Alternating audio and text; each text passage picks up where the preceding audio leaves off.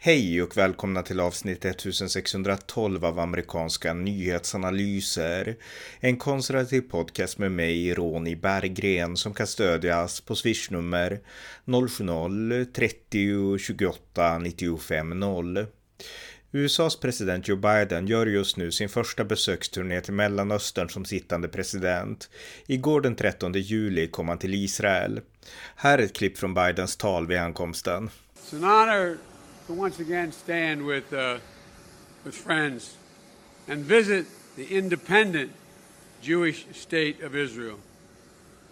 President Nixon was the first American president to visit Israel in 1974.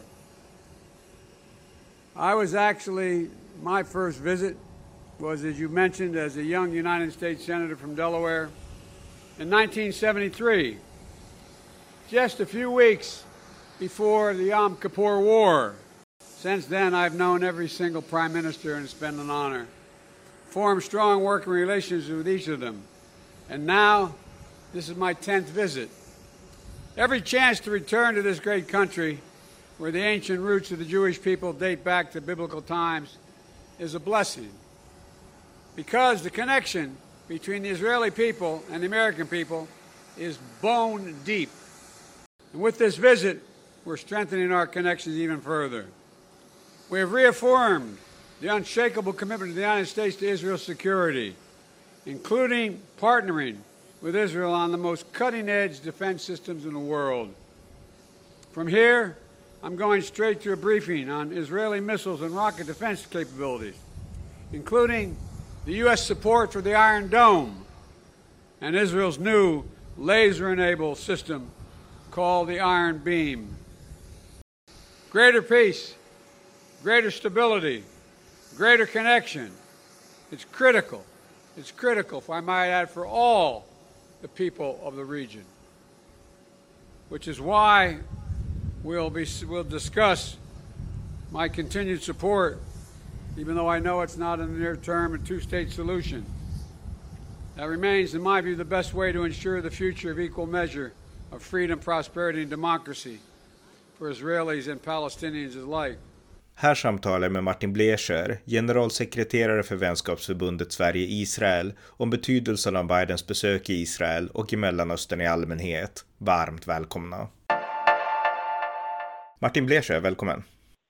Tack så mycket. Vi ska, vi ska prata lite grann om USAs president Joe Bidens besök i Israel. Han kom till Israel igår och eh, ja, du ska få kommentera det. Men jag tänkte först, eh, allt det här med Ukraina, det gör ju att man, man, man hinner inte med så mycket mer än att hänga med det som händer i Ukraina och i kriget där. Så att jag tänkte fråga dig, vilka är de frågor som har på något sätt seglat upp i Israel nu de senaste månaderna, när världen kanske har varit mer fokuserad på Europa?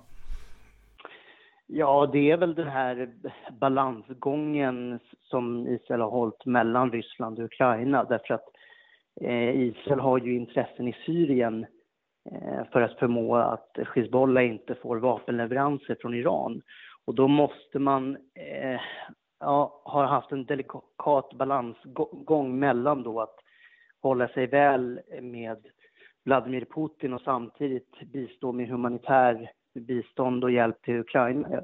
Så att det har varit en delad israelisk politik där utrikesminister, som numera är premiärminister, då, Yair Lapid, har varit frän i sin kritik mot Ryssland medan den avgående premiärministern eh, Nathalie Bennett var ju mer försiktig mot Ryssland. Eh, så att, mm, delat Israel eh, kring det. Sen, sen påverkas vi alla av, av Ukraina och det gör ju Israel också såklart. Mm.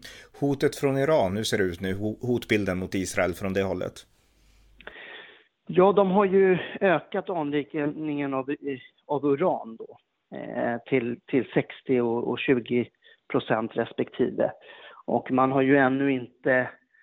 Jag tror att, det, jag tror att hotet är tudelat. Man, man är rädd att, att eh, amerikanerna går in med eh, lovade gröna skogar och, och, och gröna ängar men, men har liksom, det har varit falska förhoppningar och förväntningar där.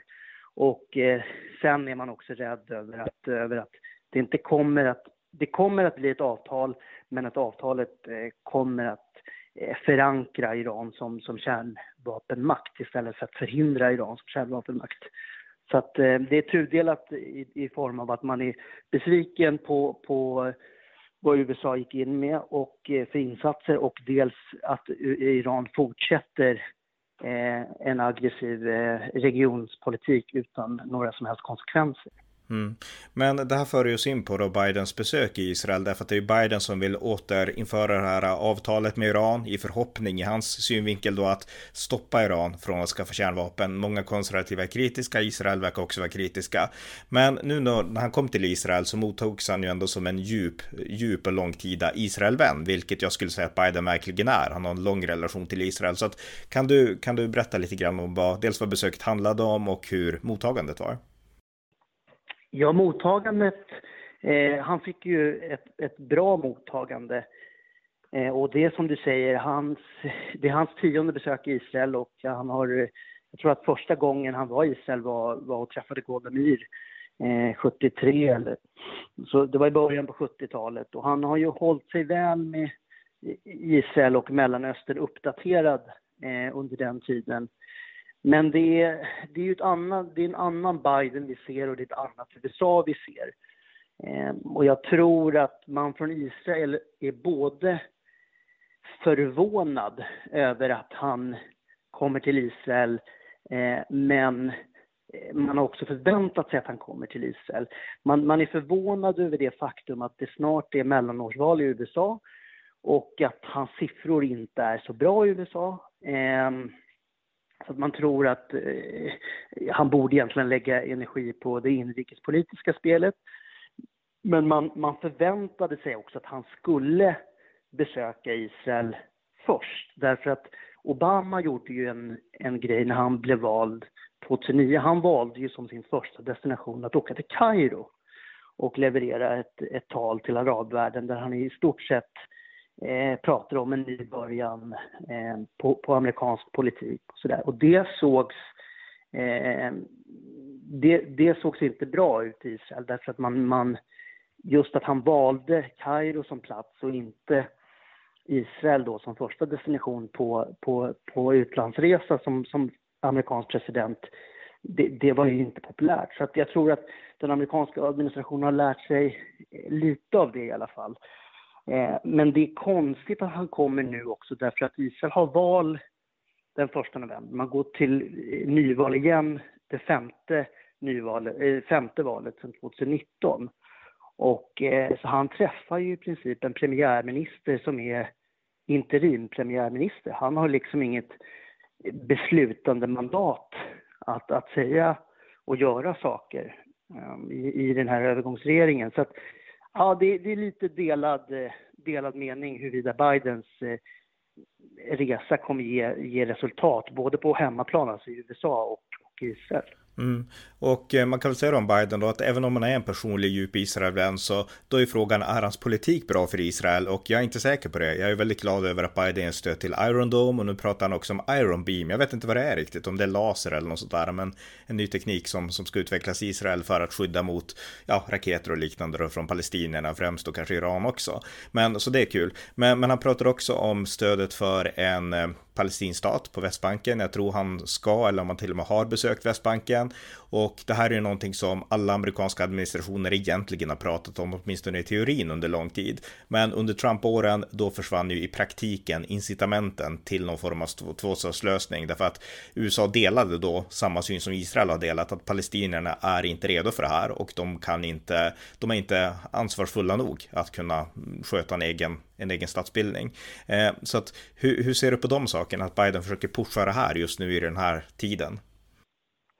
Ja, det, det har ju varit väldigt konstigt, för, för Biden har ju varit på ett sätt, han har ju gjort allting tvärtom vad Trump har gjort, bara för att det är Trump som har gjort det, ovidkommande om, om det Trump har gjort har fått effekt eller inte. Han vägrade kalla Abrahamavtalen för Abrahamavtalen under en lång period. Han, upprätt, han återupptog stödet till UNRWA, alltså ett separat flyktingorgan som palestinierna har. Palestinierna är det enda folket i världen som, som har ett separat flyktingorgan. Alla andra flyktingar samlas i UNHCR. Det drog Trump in. Men det, det, det bestämde sig Biden för att återupprätta eh, bara för att vara, va tvärt emot Trump. Han valde att gå med i FNs råd mot, eh, för mänskliga rättigheter som är ett eh, rasistiskt antisemitiskt råd där man har Israel på en separat punkt på agendan som enda medlemsland.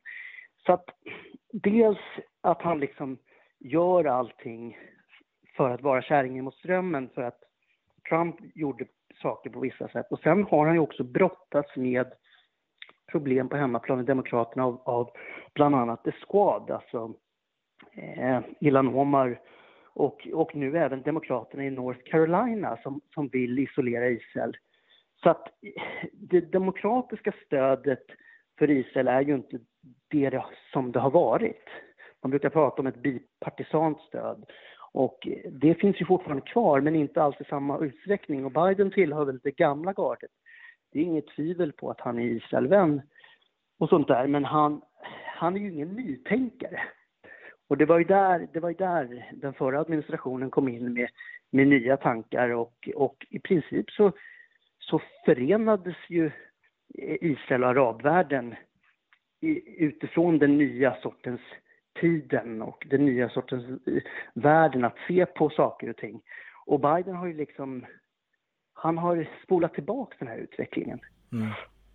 Men, men, det, men det är intressant för att, för att förtydliga det och den här gamla, om vi säger den gamla tiden, 1900-talet kan vi säga, slutet av 1900-talet, då var ju den stora frågan freden mellan israeler och palestinier och viss mån kanske konflikter med somliga länder, svaga konflikter på den tiden, men främst israeler och palestinier. Och det är lite den världen som Biden lever kvar i, medan nu kan vi se att det stora hotet i Mellanöstern, den stora regionala supermakten eller stormakten, eh, det är ju Iran och Iran hotar dels Israel som de alltid har gjort på grund av antisemitism och liknande.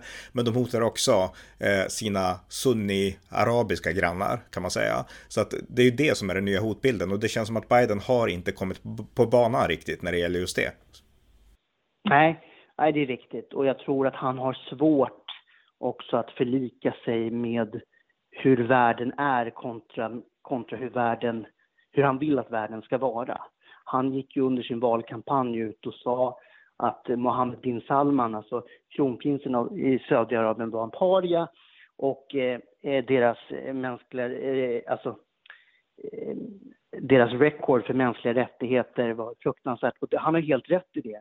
Och eh, det, Mohammed bin Salman är en av liksom världens kanske värsta, han lever i ett av världens värsta diktaturer och, och är en av de värsta tyrannerna. Men, men nu är det så här att de krisar och man, man världen behöver olja och helt plötsligt så släpps ju då Mohammed bin Salman in i värmen igen och hur han då ska förlika sig med det som Biden har sagt till honom under, hans, hans, under Bidens valrörelse, det vet ju ingen. Och, och det är det jag menar att han, ja, han, han slits mellan den här idealismen och realpolitiken och, och han har väl inte än så länge bevisat eh, var, var han står någonstans. Nej, nej, precis. Men man kan ändå säga att, eh, och på tal om det just han ska ju åka till Saudiarabien också, Biden, efter besöket i Israel då.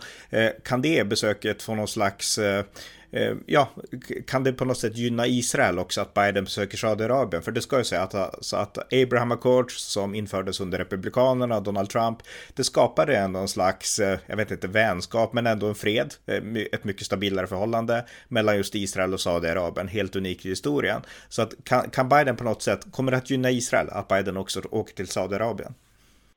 Ja, det är ju förhoppningen. Man tror ju inte att det kommer bli en, ett fredsavtal mellan länderna, men det kommer att ske pö om pö, alltså stegvis. Man hoppas att Israel för första gången kommer att få rätt att flyga över Saudis luftrum, att israeliska araber ska kunna få göra den här vallfärdsresan till, till Mecka eh, och, och, åka direktflyg med det och, och att ja, de hemliga sam samarbetena mellan länderna i frågan blir mer och mer öppna. Eh, man tror inte på ett eh, fredsavtal direkt, utan som sagt stegvis. Och eh, det finns väl mycket som talar för att någon, någonting kommer de att kunna upprätta och åstadkomma. Mm. Eh, om vi ska avrunda, alltså det här oavsett nu vad det här leder till politiskt så är det ju en bra, det är en bra signal ändå av Biden att han besöker Israel. Det visar att även om man har ett parti vars politik kanske inte alltid är jätte-Israelvänligt så är han ändå som president en djup Israelvän och även om man inte har tankarna med sig hela tiden så är det bra. Så att jag tycker att jättebra att han besöker Israel. Han, det var ett jättefint mottagande. Han höll ett jättefint tal där på flygplatsen i Tel Aviv som jag såg och, och sådär. Så att jag är glad över att han kom till Israel. Men jag tänkte ändå avrunda med att säga att Eh, Eh, det stora stödet nu, det finns ju ändå från konservativt håll. Och i USA så har man en konferens som heter CPAC som hålls varje år och som jag tror hålls flera gånger om året nu på senare år. Och där pratar de alltid nästan positivt om Israel. Och i år så kommer man att göra en filial av CPAC, eh, CPAC Israel heter den. Och eh, den första konferensen hålls den 20 juli, jag antar att de håller till i Jerusalem där den amerikanske judiske konservativa Ben Shapiro som kommer att tala där. Eh, min fråga är, känner du till det här, CPEC Israel? Eh, ja. Och, du gör det? Okej. Okay. Mm. Eh, nej, men det är ju väldigt stort eh, och, och, och, och inflytelserikt och det är ju även Ben Shapiro. Eh, han är ju en av dem som bland annat har varit väldigt kritisk mot Trump men fortfarande är, är, är republikan. Eh, och, eh, och, och har, har, har stött hans Mellanösternpolitik bland annat. Men, men eh, det är ju inte, alltså, det är ju inte republikanska partiets utveckling som oroar i Mellanöstern, utan det är ju demokraternas utveckling och det här identitetspolitiken. Och det är ju inte någonting som, som endast delas, en oro som endast delas av Israel, utan samma sak eh, delas exempelvis av Egypten när, när Barack Obama totalt övergav Hosni Mubarak eh, för Muslimska brödraskapet och den relationen har exempelvis inte återupptagits eh, på samma sätt som det var tidigare. Och kanske eh, är det samma sak med Saudiarabien nu. Så att det finns en oro över att det är väldigt mycket identitetspolitik, ung idealism från främst Demokraternas sida som oroar regionen i Mellanöstern i stort. Mm, ja. Det som behövs är mer, en mer bipartisansk amerikansk återgång till lite mer realpolitik, kanske man skulle kunna avrunda. Ja, det, det är väl lätt att säga. Ja. Okej, okay, men tack så mycket Martin för det här intressanta samtalet. Ni har lyssnat på amerikanska nyhetsanalyser, en konservativ podcast om internationell politik som ni gärna får stödja på swishnummer 070-30 28 95 0 eller via hemsidan på Paypal, Patreon eller bankkonto. Jag vill också mana er som har möjlighet att skänka en slant till Val för Ukraina-insamling. Att stödja Ukraina är ett tecken på medmänsklighet och solidaritet, men det är också strategiskt. Stöd för Ukraina innebär nämligen ett stöd för hela Europas säkerhet i kampen mot den ryska imperialismen. Så om ni har möjlighet, stöd Ukraina. Det var allt för denna gång. Tack för att ni har lyssnat.